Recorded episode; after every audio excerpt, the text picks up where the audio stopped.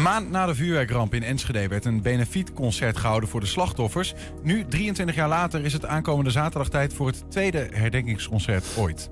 De 17-jarige Luana Weiss uit Enschede vertelde donderdagavond tijdens de jaarlijkse nationale herdenking in Amsterdam over het oorlogsverleden van haar Sinti-familie. Gisteren is de Maibaum gehezen in de Enschedese binnenstad. Niet op de 1 mei zoals het hoort, maar eh, op het Maibaumfest. En een nieuwe editie van In Depot. Met vandaag uh, uh, gaan we het hebben over het meest aangeboden object van de museumfabriek. Hm, benieuwd. Het is maandag 8 mei, dit is 120 vandaag. 120. 120 vandaag. Een droom over schoenen die uit elkaar gehaald konden worden. Dat bracht Enschede Ben Weber op een idee. Afgelopen zaterdag was hij samen met zijn zoon Julian te zien op uh, SBS 6 in het programma Wat een uitvinding om zijn eigen afritsbare sneakers te presenteren. Helaas geen uh, finale plek in dat programma, maar het is nog niet het einde van zijn uitvinding. Ben, welkom. Dankjewel. Jullie afritsbare sneaker begon met een droom en gewoon letterlijk. Letterlijk een droom, ja. Ja, ik werd s morgens wakker. We hadden een probleem dat we ontzettend veel schoenen altijd meenamen op vakantie. En blijkbaar heeft dat zoveel indruk op mij gemaakt dat ik dacht van, uh, daar moet iets aan te doen zijn. Ik moet, dat, uh, op een, ik moet daar een oplossing voor zoeken. Ja, ja. En uh, toen werd ik wakker en ik dacht, hey, ik moet die schoenen uit elkaar halen. Dat is iets wat, uh, wat ideaal zou zijn. Maar hoe, ja. Dat, dat maar dat had je in die droom uh, nee, ja, daar werd ik beleefd wakker. of zo? Ja, of je ja. kwam wat wakker met dat idee? Ja, ik of zag wakker. je ook echt iets voor je in ik die zag droom? iets voor, nou ja, weet je, dromen kun je niet altijd herinneren. Beetje... Maar ik werd 's morgens wakker en toen, toen werd ik met dat idee wakker. Dus blijkbaar, blijkbaar heb ik erover gedroomd. En uh, nou ja, toen 's morgens aan de ontbijttafel zei ik dat tegen mijn zoon en mijn vrouw. En mijn zoon die vond het helemaal een geweldig idee. En die zei van, uh, pa, die, hier gaan we wat mee doen. Dit vind ik echt uh, uniek idee. Dus vandaar. Dus, eh, want eh, je gaat, ik snap het, als je op vakantie gaat, dan heb je een tas en daar kan niet te veel in. En uh, dan denk je, oké, okay, ik wil misschien een paar schoenen mee. Ik wil misschien nog een paar schoenen mee voor als het uh, ander weer wordt of om er leuk uit te zien. Ja. hoe gaat zo'n afritsbare sneaker helpen dan? Nou, je hebt dan een paar schoenen nog, die trek je aan. En die uppetjes die erop zitten, die je eraf haalt, die kun je dus eigenlijk, kan het wel laten zien. Kijk, dit zijn die uppetjes. meegenomen. Ja. ja. Dit zijn die uppetjes, die, die kun je er zo opzetten. Ja. En dan uh, kun je hem opritsen. Kun je hem iets, iets hoger houden, dan kunnen we het even zien. Dit is het stuk wat je erop zet, ja? ja klopt. En, en dit is dan, zeg en maar, dit, die... En dit is de uh, eigenlijke sneaker die je draagt. Ja. En als je dit, uh, als je die hier een stuk of van, tien van meeneemt, dan heb je in principe uh, tien paar. Maar als voelen, deze kun je gewoon uh, makkelijker indrukken, zeg maar, om het zo ja. te zeggen. Dit, ja, dit, ja, dit, stof. Dit stof je gewoon in je, in, je, in, je, in je koffer. Exact. Ja. Ja. En, want ja, ik snap uiteindelijk, je hebt, je hebt een, een droom, je beleeft iets in de nacht, misschien ook een beetje stress voor de vakantie. Ja. En dan de ochtends word je wakker en denk je, nou, dit moet toch anders kunnen? Ja. Uh, je hebt in één keer een helder idee. Nou, heb ik dat ook wel eens. Ja. Maar dan zijn er ook echt duizenden ideeën. Ja. En ik denk dat iedereen het zal herkennen. Waarvan je denkt, dit zou toch een uitvinding zijn. Uh, en er gebeurt nooit wat mee. Nee, maar ik heb toevallig een zoon die er wel in ging geloven. En die heeft gezegd, uh, ik wil daar wel mee aan de slag. Dus hij heeft een uh, ontwerp gemaakt. En dat ontwerp hebben we laten zien aan een fabriek in Portugal. En nou, die zijn bereid geweest om het prototype te maken. Dat, dat zijn deze, ik weet niet... De luisteraars kunnen het natuurlijk niet zien, maar dit is het eerste prototype wat we hebben laten maken in uh, Portugal. Ja. En dat, uh, dat maakt dus uh, ja, dat zoiets toch wel realiseerbaar is geworden. En toen hebben we, toen zijn we uitgenodigd door het televisieprogramma Wat een uitvinding. Ja, ja. Drieënhalf jaar later. Want maar, jaar even, even we... om, voordat we dat, dat is drieënhalf jaar al bezig. Hè? Ja. Dus dat, maar dat, dat gaat natuurlijk niet vanzelf dat zo'n bedrijf in Portugal zegt: Ik wil wel met je uh, een po prototype maken, lijkt mij. Nee, ja, goed, je overlegt. Heb je dingen van karton gemaakt eerst? Of hoe, hoe werkt dat dan? Om het aan te, aan te tonen van ja, zo zou het misschien kunnen zijn of zo. Ja, ja dus, we hebben er gewoon uh, eerst telefonisch contact gehad. Toen hebben we via mail hebben we allerlei foto's opgestuurd. En, en gezegd van zo moet het worden. Mm -hmm. Toen hebben zij dat geprobeerd te maken. Uiteindelijk is het ook gelukt.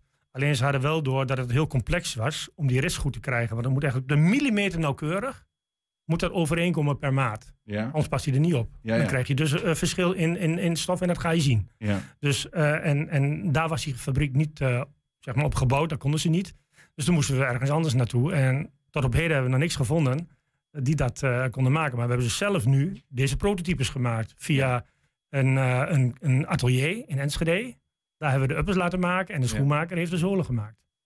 Oké, dus in Enschede was er iemand die, die dit kon. Maar dit, dit is dan niet, zeg maar, het is een prototype, maar niet makkelijk schaalbaar. Zo moet ik het eigenlijk zien. Juist. En daar, Ja. daar zoek je eigenlijk naar. Ja, ja, Ehm. Even, want eh, drieënhalf jaar is, duurt zo'n proces. Op een gegeven moment komt dat eh, pro- programma dan. eh, even een foto. Hè, wat een uitvinding het programma. Hier zijn die samen met ons alle Gordon in het midden. En dat programma ga- gaat erom dat je eigenlijk ideeën pitcht eh, aan hem, aan een jury. Die uiteindelijk eh, iemand uitkiezen of een idee uitkiezen waar dan geld in gestoken wordt. Of hoe Ja, moet ik dat zien? De Action die heeft dat georganiseerd. En de winnaar die komt bij de Action te liggen in heel Europa. Eh, en ja, daar verdien je dan een paar centen mee, als Ja, het goed is. Maar goed, wij zijn dus vierde geworden afgelopen zaterdag. Dus we zijn niet door naar de finale. Maar na het programma kregen we natuurlijk ontzettend veel berichtjes. Mhm. Van wat een leuk idee en, en hoe gaan jullie dit verder opbouwen samen. Ja, maar als je, geen, eh, als je het programma niet wint, zal er vast iets zijn waar mensen die daar zitten en eh, die, die weten natuurlijk waar investeerders eh, aan denken of wat van wat kun je hier nou mee, die dat blijkbaar geen geloof in hebben gehad. Dat klopt. Ja, en dat snap ik ook, want het is een heel complex verhaal eigenlijk. Ja. Alleen, ja, ik ga complexe dingen nooit uit de weg. dus met mij zullen dat ook mensen zijn op deze aardbol. Ja, ik begrijp als iemand een droom omzet in daden, dan ja, god, er hoeft er maar één te zijn die zegt van, ik zie er wel wat in en we gaan het proberen. Kijk, en eh, als het dan lukt, ja, dat zou natuurlijk geweldig zijn. Maar dan, dan is het ook moeilijk na te maken, hè? Mhm. Wat, wat, wat is er dan precies eh, complex aan die schoen? Wat, wat, wat, wat, waar houdt het op, zeg maar, voor, voor de mensen die het afgelopen programma moesten jureren? Nou, heel veel mensen zeggen van, ja, is het wel waterdicht? Eh, hoe lang gaat die rits mee? Eh, hoe loopt het? Ja. Dat zijn allemaal dingen die we nog uit moeten vinden. Ik, ik loop nu zelf ook op deze sneakers. Daar loop ik nu een paar dagen op. En eh, witte, witte, witte sneakers, ze zien er ja, ja, ja. best heel aardig uit. ja, zelf gemaakt, hè? met de hand gewoon losgeknipt, rits ertussen. en Maar zie ik jou, nou jouw sok door, er doorheen of niet? Ja, of, eh, ja lijkt dat zo? mijn, sok, mijn sok zie er iets doorheen. Want eh, eh, als ik hem, deze rits is niet helemaal passend. Ja? Dus er zit een kleine ruimte tussen. Mhm. Als ik hem helemaal door zou zetten, dan zou die rits natuurlijk eh eraf gaan. ja. Dus ik heb iets ruimte ertussen gelaten. Maar dit zijn dus... eh, maar heb je geluk dat het niet regent buiten. ja, dat, nou ja, je, zou, je zou er meer de regen kunnen lopen hoor. Ja, ja. Alleen niet door een plas heen of zo. Dan, Nee, eh, maar dat is natuurlijk met, met, met alle soorten eh schoeisel waar je liever niet meer door een plas. Maar dit is, dit is in principe, is dit, zou het zo kunnen zijn? Ja. Of zeg jij van, van in mijn uiteindelijke versie is dat gewoon allemaal dicht? Of is dit ook, ook wel gewoon bij nee, in de design uiteindelijke versie is dicht. Ja, ja. Is het dicht. Ja. Het is gewoon aansluitend. ja. Alleen ja, we hebben niet de machines om dat zo te maken dat het echt aansluitend is. Mhm. En het belangrijkste vind ik eigenlijk van hoe houdt die rits zich na een paar maanden? Kijk, als je al die schoenen terugkrijgt na twee maanden van die rits is kapot, ja, dan, dan, dan houdt het natuurlijk op. ja. Dus we moeten wel heel duidelijk van tevoren weten waar liggen de problemen bij, de, bij, eh, bij deze uitvinding. En, en als dat zich goed houdt, ja, en dan zouden we ermee verder kunnen gaan. Wat zei Gordon erover? Daar ben ik vond toch het hele, land toch wel benieuwd naar. Die vroeg, die vroeg of ze ook in de leer hadden. Geweldig, ja. Hey, je bent een voetballer, hè? Klopt, ja. Is, is dat, eh, ja, ik weet niet, gaat de droom al verder dan alleen sneakers? Je Of, bedoelt, eh? je bedoelt dat er noppen onder gaan zitten? Denk maar eens wat. Nou, het niveau bij Twente zou er misschien wat beter van worden, denk ik. nee, grapje. Maar eh, eh, nee, ik denk niet dat het voor, eh, voor echt voor dat soort sporten eh, mogelijk is. Ja. Omdat, het, omdat je toch die kwetsbaarheid van die, van die, eh, van die rits hebt. Die Maar ik rits denk is wel een dingetje, hè? dadelijk De- de- Eh, de- ja, dat is een complex iets. Ja. En daarin zullen we eh, verder moeten gaan doorontwikkelen. Is, het- is het ook zo dat er andere eh, concepten zijn over de hele wereld die hier een beetje op lijken? Of is dit echt uniek? Nee. nee, er zijn inderdaad al pogingen gedaan om dit op de markt te brengen. Eh, niet op deze manier met een rits, maar wel op een andere manier. Dus met klittenband of met elastiekjes of noem maar op. Dus een schoen uit elkaar halen is al wel op de markt. Eh, maar nog niet op deze manier zoals ik nu laat zien. Met een rits. Met een rits. Maar ja, die rits is juist wel een beetje de, de, de- het, het enfant terrible van het hele ding, ja, begrijp ik. Ja, ja, ja. Dus ja, Dat, dat klopt. Maar ik denk, weet je, ehm, er zijn overal oplossingen voor te vinden. Dus Mhm. ook op dat gebied kunnen we wel iets, iets maken Ja. waardoor het eh, jaren meegaat. ik ben ontzettend benieuwd, eh, Ben. En anders, als het, als het allemaal niet lukt, blijven ze dan alleen zelf dragen? Ik blijf ze sowieso zelf dragen. En helemaal om, eh, om meer schoenen mee te nemen op vakantie natuurlijk. ja, dat snap ik. Ja, daar zal niet alleen jij blij mee zijn. Maar ik denk, ja, ik, ik, ik ken er wel wat meer mensen die Ja. wat meer schoenen Ja, op nou, vakantie Laat mee ze maar melden dan, dan Ja. maak ik ze wel. Ben Weber, dankjewel. Veel succes gedaan, hoor. Ja, dank je. Zometeen een maand na de vuurwerkramp in Enschede werd een benefietconcert gehouden voor slachtoffers. Nu, 23 jaar later, is het aankomende zaterdag tijd voor het tweede herdenkingsconcert. 120 120. 120 vandaag. Ja, een stoet van muzikanten als spelend en wel liep gisteren onder aanvoering van een traditionele Maibaum door de Enschedeze binnenstad. Eindpunt was de Bijaard, waar de eerste openbare editie was van dat Maibaumfest. Waar tot laat in de avond de literpullen bier gedronken werden onder het genot van een Duits slagernummer. Mol wat Aans hier in Enschede. Waarom, uh, waarom zijn jullie hier vandaag? Uh, ja, wij zijn vereerd om hier een beetje muziek te mogen spelen en, uh, en het ja, verhaal compleet te maken.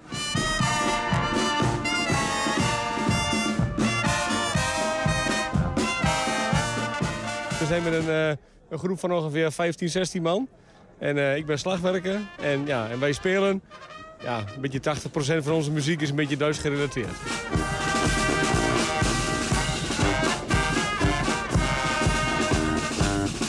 Maibaum, wat, wat, wat, is dat precies? Is dat uh, een van de leukere dingen die jullie spelen? Nou, nee, ja, Maiboom.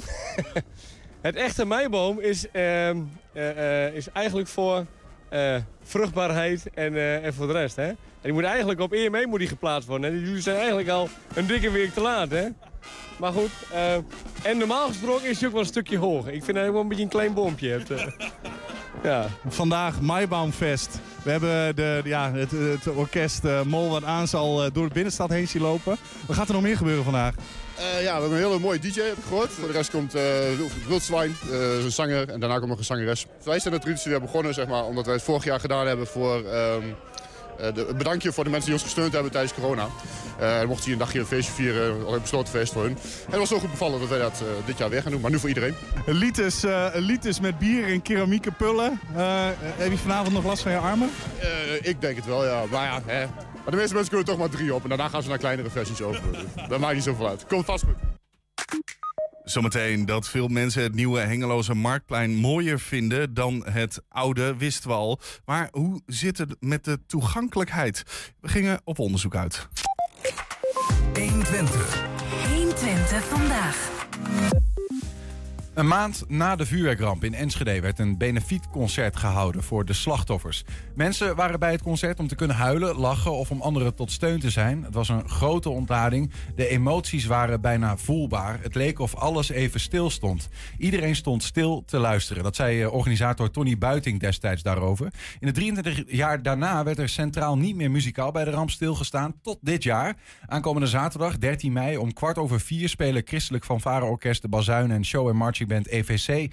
Een eh, herdenkingsconcert en doen ze op de Oude Markt. Ronald Schipper van de Bazuin is bij ons. Ronald, welkom.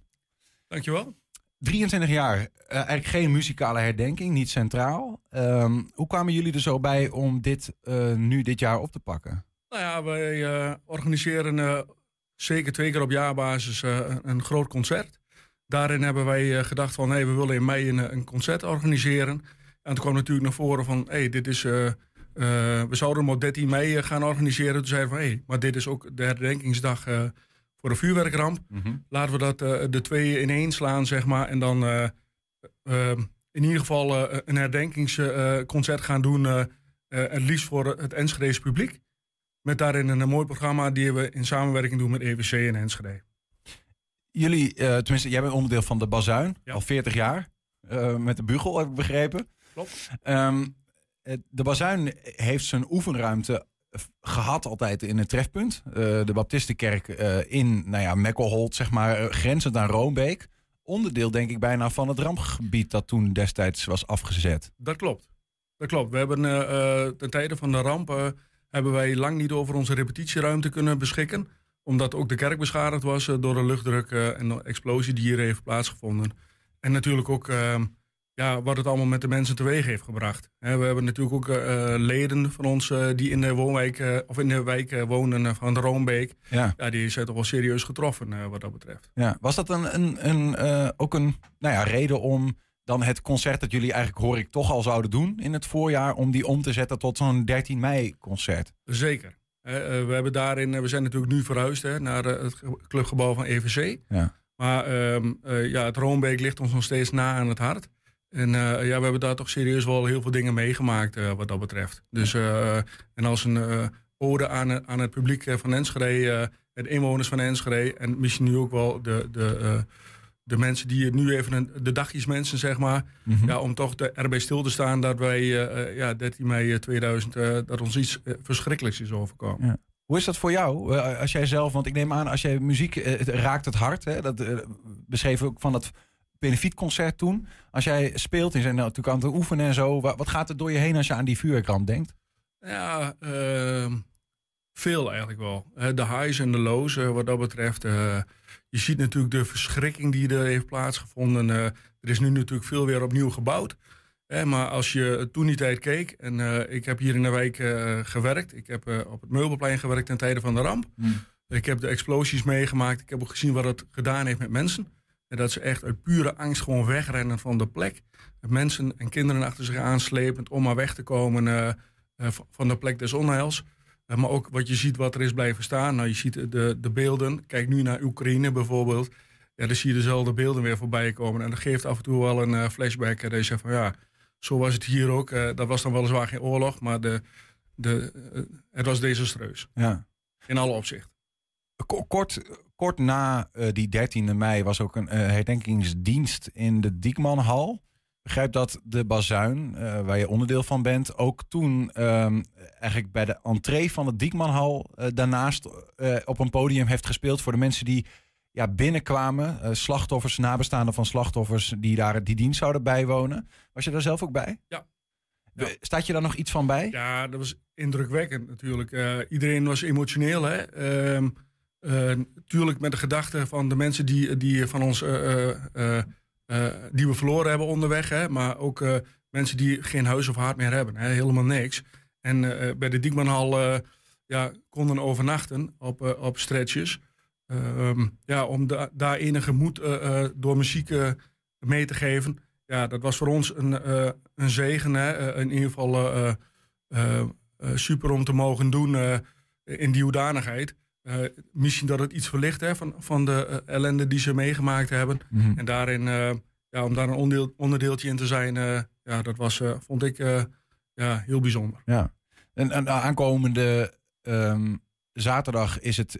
ja, toen waren jullie. oh, Ja, omlijsting bedoel ik niet, niet, nee, niet oneerbiedig, maar nu is het echt een concert. Hè, waarbij de muziek ook centraal staat. Wat voor een plek, zeg jij, heeft muziek als het gaat om herdenken van, van bijvoorbeeld zo'n vuurwerkramp? Ik denk dat het heel essentieel is. Muziek, die, eh, die, eh, daar kun je emotie in kwijt. Maar mensen kunnen ook emotie eh, krijgen van muziek. Als je eh, ehm, eh, om je heen kijkt, overal is eigenlijk wel muziek. Loop je een winkel in, heb je, heb je muziek.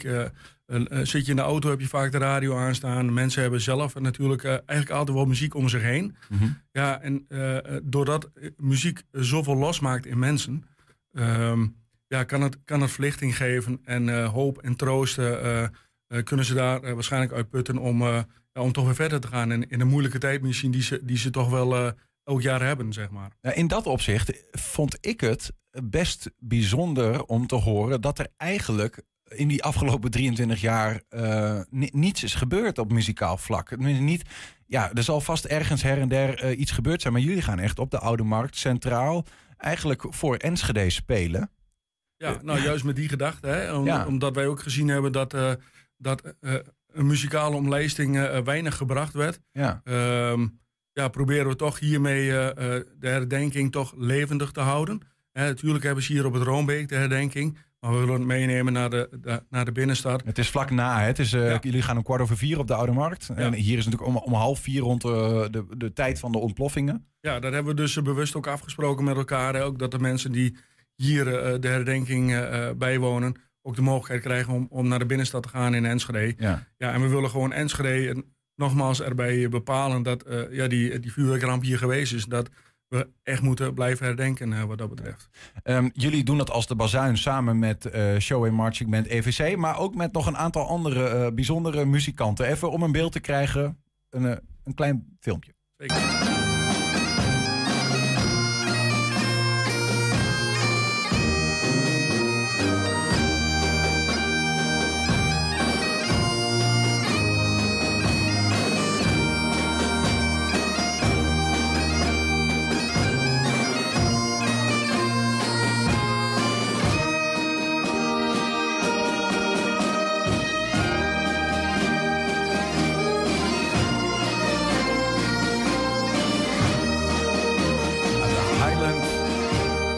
Highland Valley Pipes and Drums eh, zijn dat. eh, de, de, de doedelzakken. Zeker. Indringend geluid, hè? Ja, dit is wel eh, ja, dit is mooi. Dit is massaal. Ja. Eh, ehm, eh, een goede groep. en de muziek die we daarvoor uitgekozen hebben, ja, roept ook op hè, om samen te zijn en om, om daarin gezamenlijk op te trekken. En dat kan met de Doedelzak band uit Borculo, zoals je net al noemde. Eh, maar zo hebben we natuurlijk ook eh, onze stadsbijer die, die, eh, die met ons meedoet met een mobiel carillon. Hebben we ook een beeld van. Even kijken.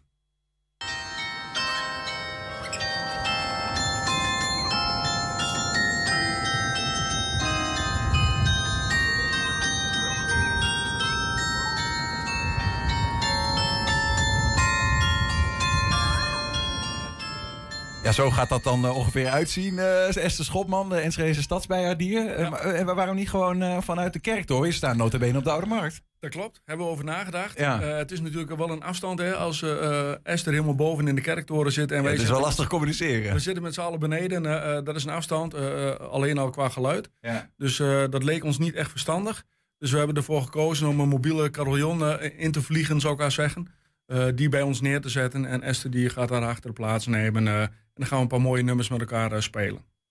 Hoe, hoe gaat het er verder eigenlijk eh, uitzien? Nou Ja, we, we hebben eigenlijk wel een programma opbouwen. Hè, dat we zeggen van we gaan in het eerste gedeelte eh, willen we toch wel een gedragen gedeelte doen. Hè, waarin wij toch wel een aantal nummers spelen die toch wel emotionele waarde hebben. Hè.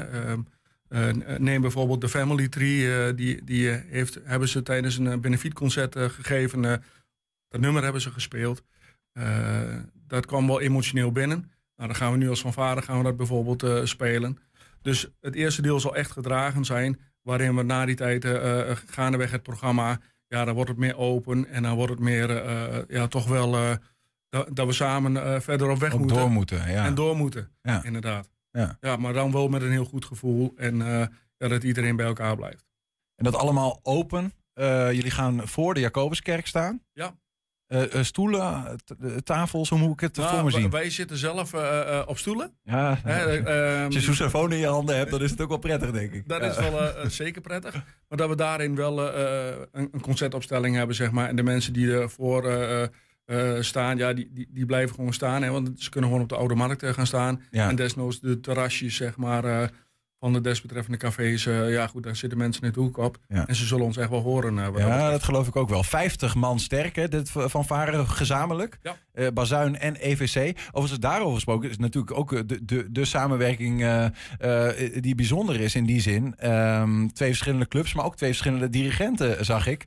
Gerard Berendsen van jullie en Peter Smits van EVC. Eh, die gaan beide leiding geven. hoor. Dat gaat eh, niet goed, denk ik. Als Ah, het nee, we, we hebben een, een, een, een verdeling gemaakt. Hè, dat ze daarin eh, allebei wat nummers eh, eh, gaan dirigeren. Ja. Ja, en voor ons is het natuurlijk ook eh, eh, innovatief wat dat betreft. We zeggen, kijk, met de doedelzakspelers, hè, we zijn van eh, huis uit natuurlijk een fanfareorkest. EVC is er natuurlijk ook wel. Eh, en er komen natuurlijk geen doedelzakken in voor. eh, geen carillon in voor. Hè, ehm, dus ja, dat komt er nu allemaal bij. Ja. En we willen toch eh, de gemeente Enschede laten zien... eh, dat je met elkaar heel veel kunt bereiken. Dus daarin eh, proberen we toch eh, de, gemeente Enschede eh, met dit concert... eh, toch iets terug te geven voor hetgeen wat ze, eh, wat ze ons bieden, zeg maar. Ja. Was het moeilijk om die twee samen te voegen? Jullie EVC en... eh, want jullie repeteren inmiddels in hetzelfde gebouw. Eh, ik zou zeggen, jij speel- speelt allebei dezelfde soort instrumenten. Hups, dat voeg je samen of werkt dat zo niet? Nou, dat werkt niet helemaal zo. Maar eh, kijk, muziek is natuurlijk van, van een ieder van ons. En eh, daarin eh, vinden we elkaar snel. Ja, ja. Hey, eh, ik vergelijk het af en toe wel eens met een voetbalteam. Maar ja, da- daar ga je elkaar gewoon snel vinden wat dat betreft. Aankomende zaterdag is het dus om kwart over vier voor de Jacobuskerk op de Oude Markt. Of bij slecht weer trouwens in die kerk, hè? In de kerk. Goed om genoemd te hebben. Het uh, Vuurwerkramp herdenkingsconcert van de Bazuin, EVC en een aantal bijzondere andere muzikanten. Ronald Schipper, dank voor je komst hier, voor je uitleg. En succes, maar ook denk ik wel wat sterkte aankomende zaterdag. Jullie dank voor de mogelijkheid. Dankjewel. Zometeen de 17-jarige Luana Wijs uit Enschede vertelde donderdagavond tijdens de jaarlijkse nationale herdenking in Amsterdam over het oorlogsverleden van haar Sinti-familie. En zijn ook als podcast te vinden via alle bekende podcastplatforms. Je vindt daar 120 vandaag. Dat zijn de hele uitzendingen van kop tot kont. Uh, maar ook elke dag één item losgeknipt, uitgelicht. En die vind je op 120 vandaag uitgelicht. 120. 120 vandaag. Dat veel mensen het nieuwe Hengeloze Marktplein mooier vinden dan dat oude, dat wisten we al. Maar hoe zit het met de toegankelijkheid? Veel mensen in een rolstoel bijvoorbeeld, eh, voor, voor mensen in een rolstoel bijvoorbeeld, was het afgelopen jaren niet altijd makkelijk om de markt te bezoeken. Om die reden gingen wij, 120, samen met enkele leden van de Hengeloze Gehandicaptenraad een rondje maken. Hoe, ervaren een, hoe ervaart een rolstoelgebruiker en een blinde persoon het op het nieuwe plein?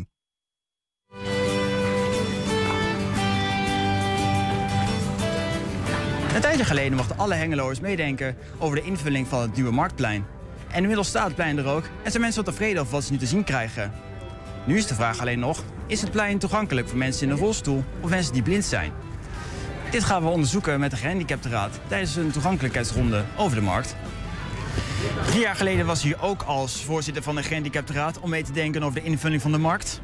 Inderdaad, ik was hier drie jaar geleden ook op, eh, om, mee te denken over de invulling van de markt. En toen was de situatie hier nog volkomen anders. Toen was het een, ja, een kaal marktplein met eh, links en rechts verhogingen, geen aangepast uh, gehandicapten toilet. En nou, het is nu allemaal behoorlijk veranderd. En, mijn verwachting is dat het nu aanmerkelijk beter is. Dus, dus dat alles in ieder geval rolstoel toegankelijk is. Dat er rekening gehouden is met blinden en slechtzienden. Dat de mensen met een rollator goed over de markt kunnen lopen. En ik hoop dat, uh, dat het allemaal gerealiseerd is. Dan gaan we dat bekijken.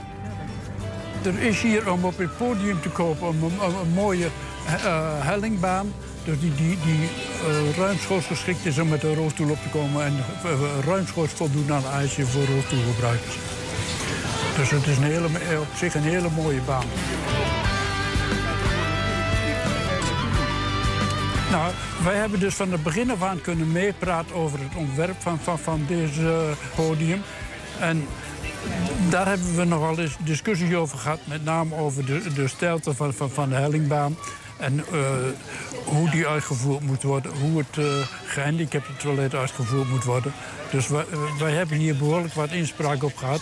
En ik moet zeggen dat we hele goede medewerking hebben gehad van de gemeente. Dan komen we hier zo bij de ondergrondse ja. fietsstalling. Ik voel inderdaad hier wel een... Uh... Dat is wel heel fijn natuurlijk. Maar ik hoor dat hier iets beneden is. Ja. Alleen ik heb geen idee of dit, of dit veilig voor mij is. Aan weerskant is er een fietsgoot en het is een trap die naar beneden heen gaat. Ja, en dat is gewoon heel gevaarlijk. Want je- op het moment dat ik denk, waar ben ik? Dan is hier, voel ik met mijn tasstok al dat hier dus eh, een trapje zit. Ja, ja, ja. ja. ja Maar- dat is gevaarlijk als je inderdaad alleen loopt. Ja, en nou wil ik eigenlijk naar het toilet. Maar waar kan ik hier ergens de toilet vinden? Want ik, eh, De toilet is in het verlengde van de fietsenstalling. ja, Ja, maar hier hoor ik een deur. Ja, hier is de deur. Maar er staat, ik, eh, er staat niet iets voelbaars op dat dit een toilet is. Nee. En als je verder over, om dat plein heen loopt, loop maar eens mee. Ja. Allemaal maar vast erop. Ja. Allemaal vast. Loop maar even wat eromheen.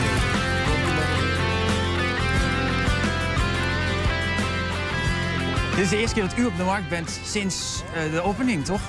Ja, dat klopt. Het is helemaal nieuw. Helemaal een nieuwe belevenis. Ken het oude marktplein eh, van haven tot. En eh, ja, dit is wel eventjes helemaal wennen aan de nieuwe situatie... met trapjes en eh, nieuwe waterpartij en allerlei andere dingen. Ja, dat is wel eventjes helemaal opnieuw beleven. En in mijn geheugen prenten waar wat zich bevindt. Nou, dit is wel fijn dat hier een randje loopt. Want ja, dat is toch een stuk geleiding. Eh, het kan een geleide lijn zijn voor, eh, mocht de officiële geleidelijn ontbreken... dan is dit wel heel prettig als dit eh, een stukje geleiding kan bieden. Dit is de vijver volgens mij. Ja, je kan mijn stok nog even uitspoelen. Is die ook wel lekker schoon. En dit is wel heel fijn, want hier wil je niet in belanden. Zeker niet in de wintertijd. Dus deze opstaande rand is bijzonder prettig dat hij hier aanwezig is. En hij geleidt mij weer naar een ander punt waar ik zou willen zijn. Als u nu een oordeel moest geven over de markt, wat zou er dan zijn? Wat zou dat zijn? Ehm, ik ben blij dat het klaar is. Dat we als Hengeloers weer gebruik kunnen maken van een marktplein. En eh, het is nu een kwestie van eh, ja, vaak de markt bezoeken. En eh, de nieuwe plekken vinden, zien te vinden. En eh, daar lekker kunnen recreëren en boodschappen kunnen doen. Ik ben eh, heel, heel tevreden over de markt hoe het geworden is. Ik, heb, ik ben, blij dat alles goed toegankelijk is voor rolstoelen, voor rollators, voor scootmobiels. Er, zijn misschien nog een paar hele kleine aanlooppuntjes, maar daar, daar zal ik nog uitgebreid over praten met de gemeente. Maar ik ben heel blij zoals het er nu uitziet.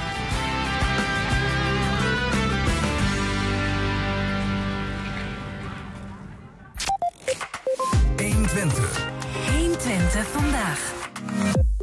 En dan dit.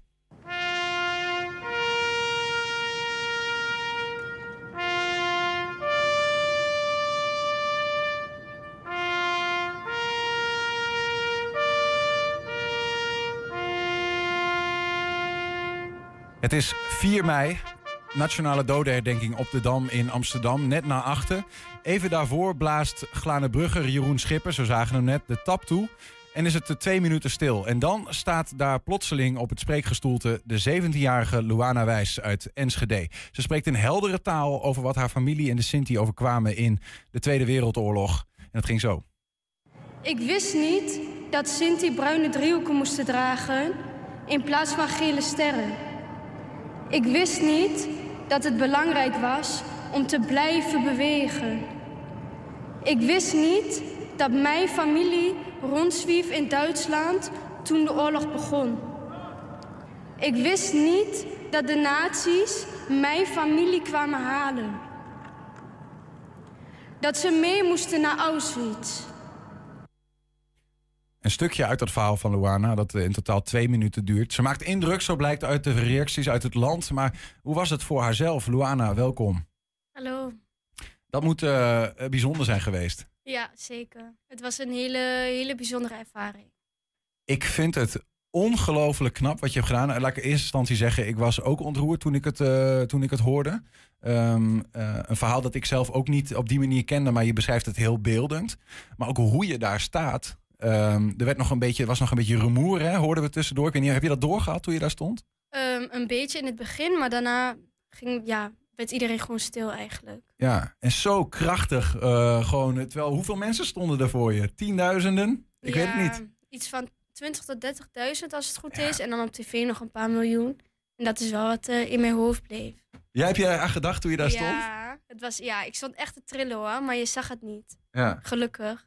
En dan zo praten. Hoe, hoe, hoe, hoe, heb, je, heb je het heel veel geoefend of zo? Ja. Ja. Ja, heel veel. Ik kende de tekst ook wel een beetje uit mijn hoofd.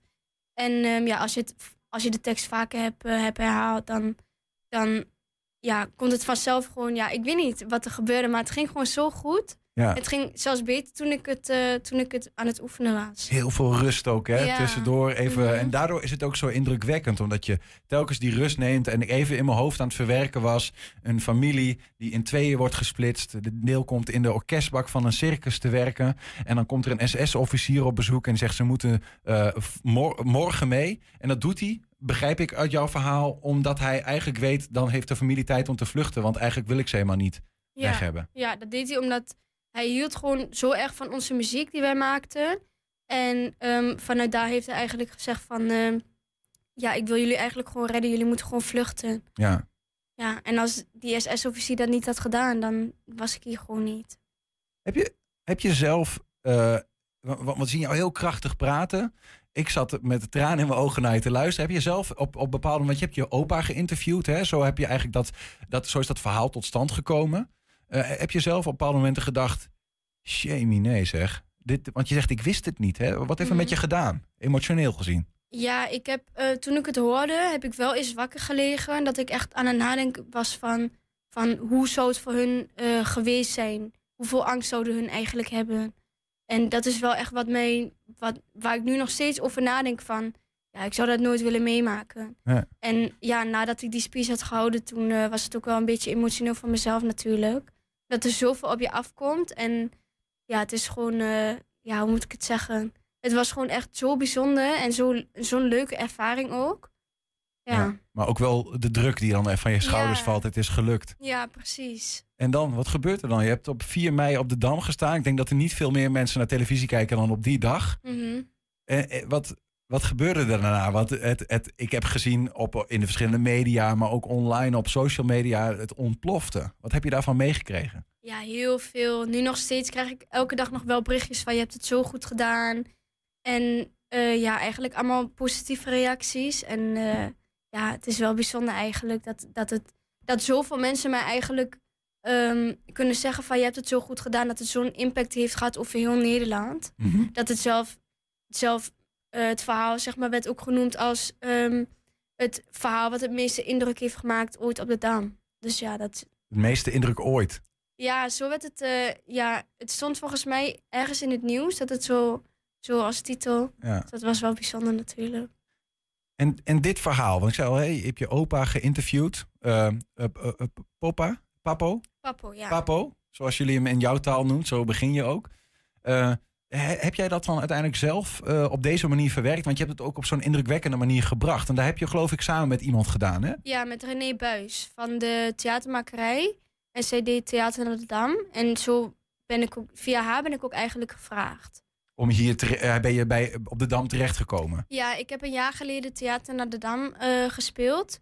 En toen moesten we zelf de voorstelling maken. Mhm. En toen heb ik eigenlijk mijn, inter- mijn, op, eh, ja, mijn opa geïnterviewd.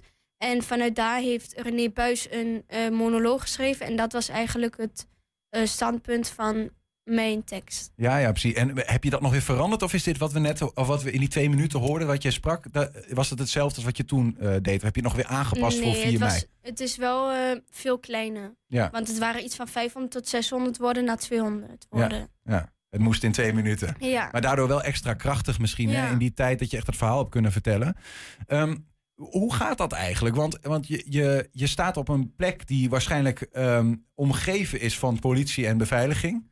Mhm. Ehm, eh, Zo'n dag zelf, neem ons eens mee. Hoe stond jij op 's ochtends op 4 mei en wat, wat gebeurde er allemaal?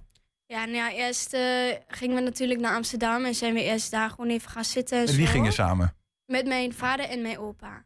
Oké, met, met de man die je ook hebt geïnterviewd? Ja, ja, Oh ja, die bijzonder. is ook meegegaan. Ja. Ja. En ehm, ja, toen eh, uiteindelijk was het tijd. Toen ging je je badge ophalen. Zo'n ehm, ja, soort van kettingje met jouw naam en zo. En ehm, eh, ja, toen moest je make-up doen en zo voor tv, dat je niet te wit lijkt en je haren. En, Wat dacht je? eh, Heb je wel eens gedacht, waar ben ik aan begonnen? toen? nee. Nee, ja, Nee. Je, je was wel, je was er klaar voor. Ja, ja. Ja. En ehm, ja, toen, toen gingen we wat eten samen. En toen eh, moest je eigenlijk al ehm, naar de kerk eerst. En toen naar de Dam. En tussendoor heb je nog één keer van... Ja, ik heb misschien twee tot vijf minuten eh, gerepeteerd. Ook niet heel lang. Maar ja, het was eigenlijk niet zo'n hele drukke dag. Maar het was wel leuk. Ja. Ja, Koning nog ontmoet? ja na de tijd. Koning, de koningin, Mark Rutte, de voorzitter van eh, de Tweede Kamer nog. Ja. En ehm, ja, het, was, het is natuurlijk heel bijzonder. Ze waren ook echt heel lief. En we zeiden ook... ehm, ja, iemand die kwam van tevoren naar mij toe. Die zei, we hebben net de koning gevraagd. En de koning zei dat, dat jouw verhaal het meeste indruk eh, gaf. Dat dat het meeste bijbleef. Ja, het is oh, in mijn beleving, ik kan natuurlijk niet voor anderen praten, omdat je het zo ontzettend beeldend hebt gemaakt. Want je ziet het zo goed voor je. En ook, ik wist niet, hè, en, en dat was, kwam eigenlijk terug. Ik wist niet dat dit, ik wist niet dat dat.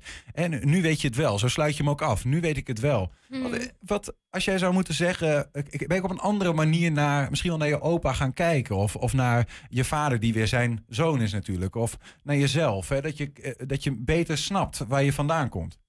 Ja, eigenlijk, ehm, ja, je weet meer van je achtergrond natuurlijk. Dus ik heb ook wat meer eh, respect voor.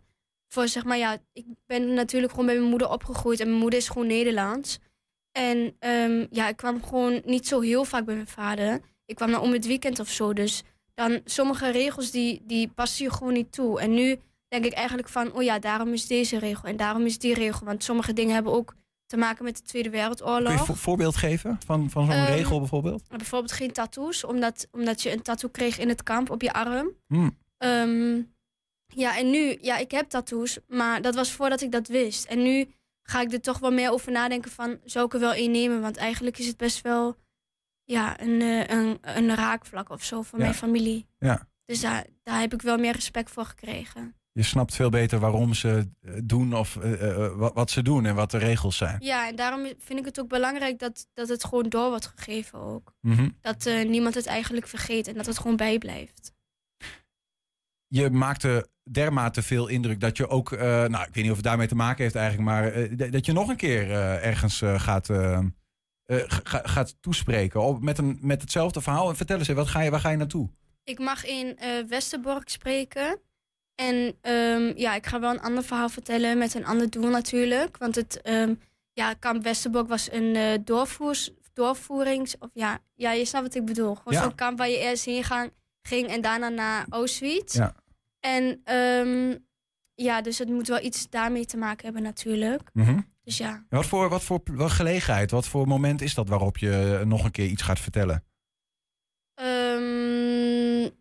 Ja, het, is, het heeft volgens mij te maken met. ehm, ehm, ja, ook iets met, met Sinti's en Roma's. Dat ze volgens mij. Op, ja, op die dag was er tenminste iets gebeurd, maar dat.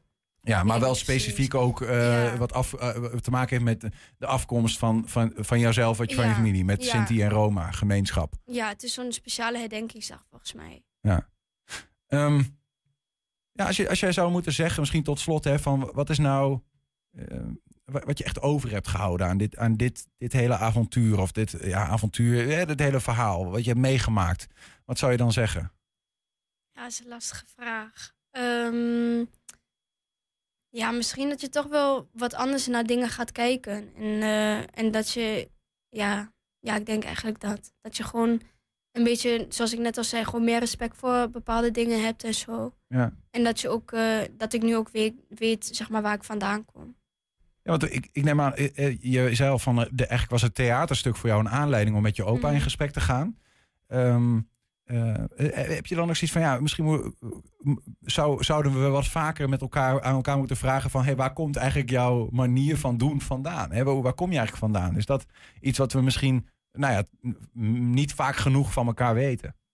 Ehm, ja, ik vind van wel. Ja. Ik vind wel, ja, omdat vroeger ehm, spraken we er eigenlijk gewoon nooit over.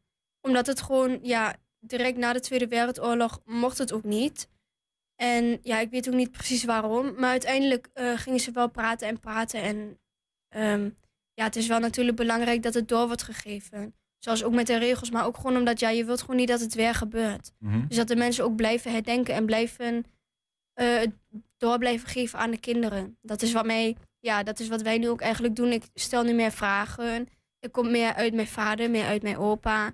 En eh, ja, het is ook natuurlijk ehm, omdat ik wel wil weten waar ik ehm, naar mijn geschiedenis. Ik ben daar gewoon benieuwd naar. Ja, nou, ik denk dat ik zelf en heel veel anderen die jouw toespraak hebben gezien met mij, eh, door jouw verhaal, eh, echt veel meer hebben geleerd over, over jouw achtergrond, over de achtergrond van de Sinti ehm, en ook deels van de Roma. Eh dankjewel daarvoor, Luana Wijs. En dat je, dat je bij ons wilde komen om daarover over te vertellen. Dankjewel. Heb je een tip voor de redactie? Mail dat dan eventjes naar redactie.120.nl 120. 120 vandaag.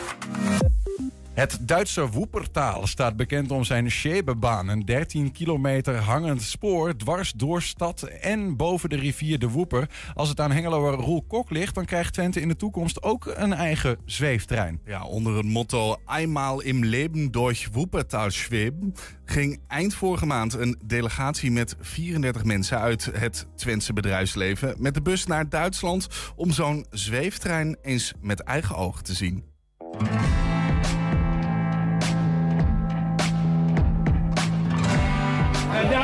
We gaan instappen. Einsteigen, bitte. Het grote doel van, de, van vandaag is... Eenmaal im Leben door Woepertaal zweven.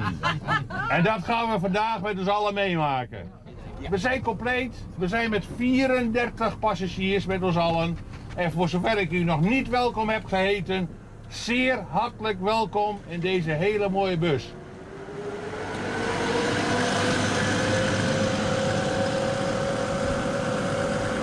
Wij gaan de Zwebebaan in Woepertaal bezoeken. Heel toevallig ben ik jaren geleden een keer eh, iemand tegengekomen die tipte mij van... jongen, ken jij die Zwebebaan in Woepertaal wel? En eh, ja, ik zeg, waar heb je het over? Nou, hij zegt, ken je de Eiffeltoren? Ja, die ken ik natuurlijk. Daar heb ik wel eens ingeklommen. Maar de zwevenbaan... Hij zegt, als jij in de zwevenbaan geweest... dan heb jij het nooit meer over de Eiffeltoren. Dit is zo'n bijzonder wonder. Ik ben er inmiddels een keer geweest. En eh, ja, toen heb ik een keer een opmerking gemaakt in de raad. Dat, eh, hoe kan het dat op dat Westerplein dat Koopplein bij Hengelo, dat het daar overvol is met files op de A1. Terwijl in de binnenstad van Hengelo, daar zag je op dat moment geen hond rondlopen. Het liep helemaal leeg, winkels leeg, noem maar op.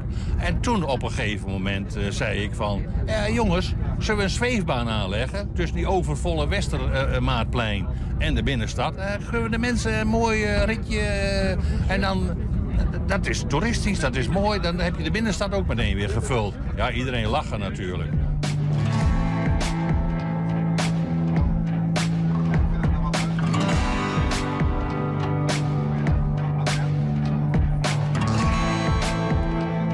Dit uh, ziet, wat we vana vanochtend mee gaan maken... dan zul je zien, dit hoort bij Hengelo.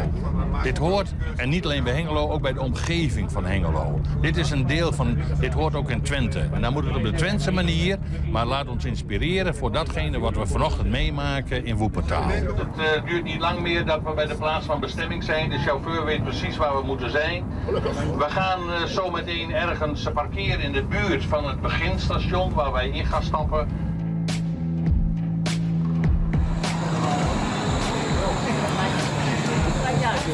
Ja,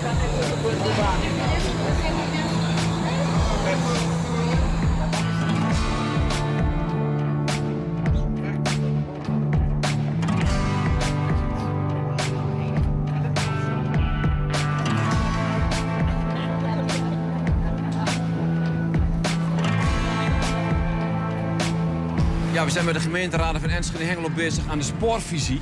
Nou, dit past daar perfect in. Dus ik denk, uh, we gaan dit uh, aanleggen tussen Enschede en Hengelo. Ik ben diep onder de indruk, ja. ja. ja ik ben hier één keer eerder geweest. Naar aanleiding van het voorstel van Roel Kok. Ik geloof in 2016 dacht ik, ik moet er toch eens een keer naartoe. En uh, ja, het is eigenlijk een bovengrondse metro. Dus ik vind het wel, ja, vind het wel uniek. Ja. De spoorzone Enschede-Hengelo zie ik, ja, zie ik wel wat in, in dit. Dus de ideeën van Roel gaan we weer upgraden.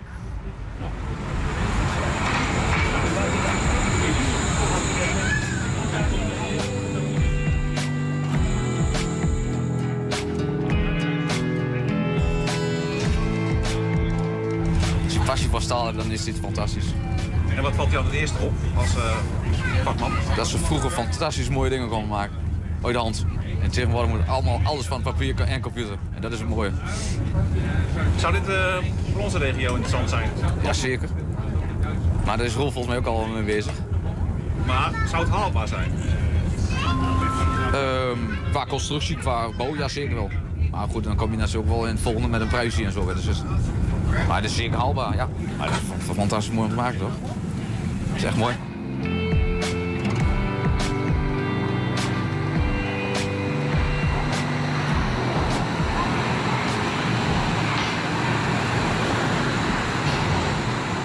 zo'n mooi project waar Hengelo zich helemaal mee in, de, in het uh, spotlight zou kunnen stellen.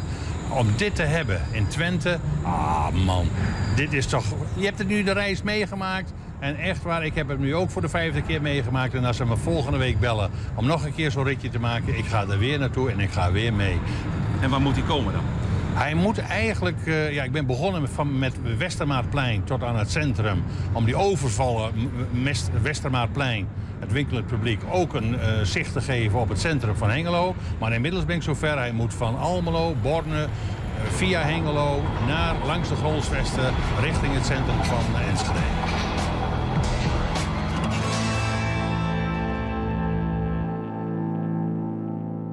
Ja, wat vind je ervan, uh, Niels? Ik zie jou heel uh, twijfelend kijken. het ziet er wel futuristisch uit. Ja, dit, dit, dit, dit, soort dingen zie je wel als je zeg maar uh, mensen van de jaren 70, 80... die dan moesten zeggen van oké, okay, zo zag het in 2030, gaat het eruit zien. Ja. Dan zie je allemaal van dit soort treinen rondrijden. Ja, precies. En het doet me ook een beetje denken aan die... Uh, je hebt ook in, uh, wat is dat, in Japan of zo? Daar, daar wil ik vanaf ja. zijn, dat weet ik niet. Maar van die bussen die als er een file staat... er zo soort van overheen kunnen ja, rijden. Ja, heb ik gezien. dat soort dingen, dat vind ik altijd wel... ja, goed, hoe praktisch het is en of dat hier zou kunnen, ja, nou ja. Who knows? 120. 120 vandaag.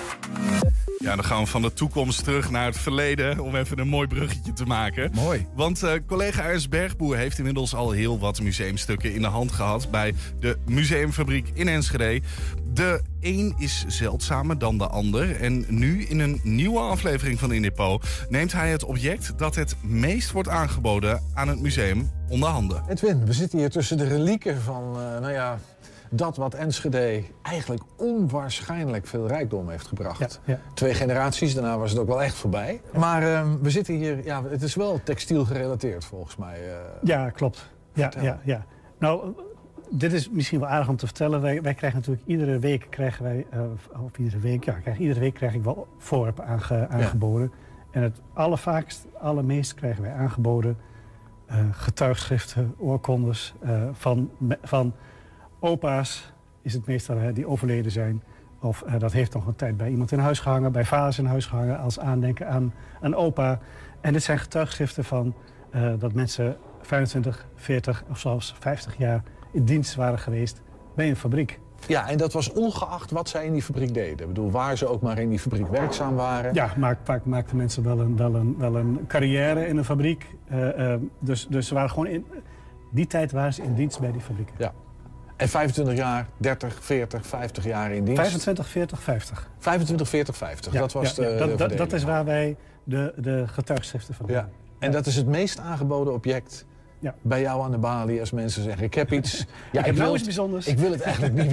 ik heb nou iets bijzonders. Je hebt straks de doos gezien, we hebben er een aantal uitgehaald. Ja. Eh, Hoeveel hebben er van die gewoon, dingen? Gewoon, gewoon, eh, drie identieke van deze. hè. Ja, ja, ja, ja. En dat, ja, dat waren natuurlijk gewoon eh, toch even standaard. Min of meer standaard dingen. Ik denk dat we 30, 40 hebben of zo. Ja, ja. Ja. ja en dat Van- hadden er, en dat dan- hadden er 300, 400 kunnen zijn. Ja, Makkelijk. absoluut. Ja, ja, ja, ja. Maar dan- je hebt er een paar bijzondere. Of nee, ja, ik weet ja, niet ik heb er gewoon, zijn. echt, gewoon een paar. uitgetrokken. Ja. Zo van, van, eh, ze zijn allemaal, hè, dus de meeste van die oorkondes. Hè, hier heb je eh, meneer Lenderink. 40 jaar 40 dienstverband. jaar met veel ijver heeft hij En daar plichtsbetrachting tot de bloei onze NV. Hè? Daar, ging, daar ging het ook al om Precies. natuurlijk. En, en, en, en eh, 1967, Ja. eh, 40 jaar, daar kun je Ja. rekenen wanneer hij in dienst is Ja. gekomen. En heel vaak zie je bij die oorkondes eh, ja, toch, een- toch een leuk tekeningetje erbij. Of van de fabriek, Ja. of van iets wat met Er textielindustrie was ook wel een soort heeft. trots hè, op, die, op, die, nou ja, op, die, op die fabriek dan. En op... Ja. Hebben, we- weten we hoe, hoe mensen dit nou in ontvangst namen? Was dat iets waar ze trots op waren? Absoluut. Wat ze, ja? Apetrots. Echt? Ja, ja. Oké. apetrots. En, en men kreeg een, een, een, een oorkonde. Nou, dit is nog wel aardig, hè? want dit is, als je dit goed herkent, dit is Ja, ja, Schuttersveld. ja, nog steeds, hè? Ja. Ja. Dus, de buitenmuren staan er nog. Ja. En dus dat is een leuke afbeelding, überhaupt al, natuurlijk. In die zin ook wel enige historische waarde. Want nou ja, dat Ja. eh, laat ook zien hoe het er destijds uitzag. Maar men kreeg of een oorkonde Ja. en, en eh, we kregen ook regelmatig eh, dit soort borden aangeboden. Dat is gewoon echt een... Dat is, dat is dan wel echt een handgeschilderd bord. Ja. En dit was... Ik- ik- weten we waar dit voor was? Even kijken hoor. Ehm, Dit- ter herinnering aan uw diensttijd bij... Dit was een soort afscheid dan, denk Ja. ik. Hè? Schuttersveld Ja, staat er ja, ook bij. ja, ja. Dus dit, dit, dit, hier hebben wij er ook een, eh, een- flink aantal van, ook van verschillende fabrieken. Ja, er hangt, er hangt hier een wand hè, met een Er aantal een van die met borden. allemaal van die borden. En daar hangt eigenlijk bijna alles op. Dus het was nog even zoeken naar een exemplaar die ik hier kon laten zien. ja, maar dat is echt een hand, handgeschilderd Delfts blauw bord. Eh, Ja, ja. ja. Want eh, eh, in een aantal gevallen kan je ook, er staat er ook nog bij opgeschilderd. Van eh, eh, nog, nog een persoonlijke boodschap. Ja. ja, en dit En- hing dan gewoon na, na pensionering bij mensen in de Ja. hal of in de kamer. Of, Ja. eh, Precies. en zodat Ja. iedereen Ja. wist. Wist, wist dat, je, dat je daar zo lang gewerkt had. Ik, zit, want ik zat net even naar deze Ja. te kijken. Ja. En de- deze is echt een beetje, ja, een beetje bruinig uitgeslagen. Dit ja. heeft gewoon heel lang ergens in een hal gehangen. Vroeger rookte men natuurlijk overal. hè? Vroeger rookte men natuurlijk ook overal. Ja. Hè, dus dus eh, het is niet zo raar dat, dat ook veel dingen die wij krijgen, ook veel schilderijen die we aangeboden krijgen, die zijn, die zijn helemaal bruin. Ja. Van, ja, van alle Gewoon, altijd eigenlijk gewoon van hangen. Dus 1949, dat was 1976. 67. 67. Ja, ja, klopt. Ja, dit was wel echt het, eh, de, de, de bloei onder onze, eh, Ja. de bloei onze onderneming, onze NV. Dat was in die tijd wel eens een beetje voorbij natuurlijk. hè. Dit is ook wel een aardige. Hè? Dus, eh, een leuk plaatje Het met industrie. art deco eigenlijk, hè? Art deco. En, en ja, maar wat je, weet je wat ik hier zo Ja. tof aan vind, Edwin? Is dat je hier ziet dat die industriële revolutie en die industrie, dat was echt vooruitgang.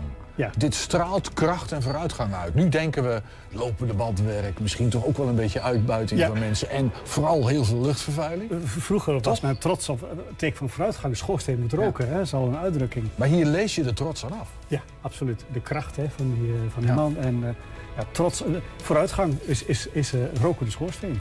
Ja, dit is Roosendaal. Dit is, het, dit is hier van de fabriek waar wij... Dit is waar wij nu zijn. Ja, ja, precies. Iemand die hier dus gewerkt heeft. Ja, maar even kijken hoor, want zie ik verder. Ja, eh, 50 ook eh, wegens getrouwe plichtsbekrachtiging geduurde 25, en dat 25 is ingevuld, de rest is Ja. voorgedrukt. Ja. 25-jarig dienstverband. Ja. Handtekening van de directeur altijd Ja. onder, hè? Ja. Ja. 1952. Ja. Heb ik hier nog baas boven baas? Oh ja. Het is een, dus een oorkonde aan een mevrouw, Maria Vennegoor Eh, en die heeft 50 jaar gewerkt. Een mevrouw die 50 jaar heeft gewerkt. Ja. ja. Op zich ook wel opmerkelijk, denk ik. Dan is dat opmerkelijk, vraag me af. Maar ik bedoel, vrouwen stonden 50 achteraan rechtop, als je- die werkten niet. Eh, dit is in 1947. Ja, nee, waarschijnlijk was Dat is bijzonder. Ja. Er staat ook, mejuffrouw staat er hier. Hè? Ja, ja, ja. Niet, Dus niet mevrouw. Nooit getrouwd geweest. Ja, ja. Dit was van de eh, Koninklijke Oldenzaalse eh, Stoomweverij. Heeft zij gewerkt. Dat is 50 jaar, 1947, dus 18, 1897 eh, begonnen. We leven echt in een andere tijd, hè? Ik bedoel, mensen die nog ergens 50 jaar in dienst zijn. Ik weet niet, hoe lang ben jij hier in dienst nu, eh, Edwin? Eh, sinds eh, 2007. Ja. Dus, dan, Dan ga je de tellen. 50 jaar niet meer halen. Dat ga ik absoluut niet halen. Nee, nee, nee dat, dat- dat komt bijna niet meer voor. dat komt niet meer voor. Ja, 25 is denk ik al een uitzondering.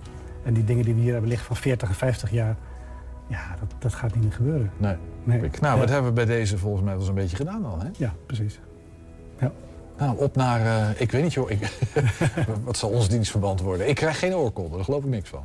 Eh, nee, ja, misschien dat ik... Ja, ik weet het niet of Misschien dat ik wel handbeschuldigd wordt, Misschien wel, ja. Ja. Misschien dat ze zelf iets in elkaar flansen. ja. Mooi. Zullen we een oorkonde voor hem tekenen?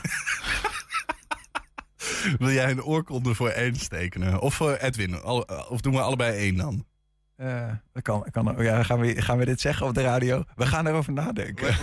We, we gaan het even, even bespreken en eh dan komen we er later ooit een keer op terug. Oh ja, jij komt erop terug. Is goed. Jij doet die belofte. Jij komt erop terug. Ja, is goed. Ik doe het, ik doe het wel gewoon in zijn schoen. Kom wel goed. en tot zover 120 vandaag. Terugkijken, dat kan direct via 120.nl. En vanavond om 8 en 10 zijn we ook op televisie te zien. Zometeen kun je op de radio gaan genieten van Henk Ketting met de kettingreactie. Mooi dat achter jouw hoofd, dat scherm. Het nieuwe. Veel plezier ja. zometeen. 120. Weet wat er speelt In Twente. Met nu het nieuws van 5 uur.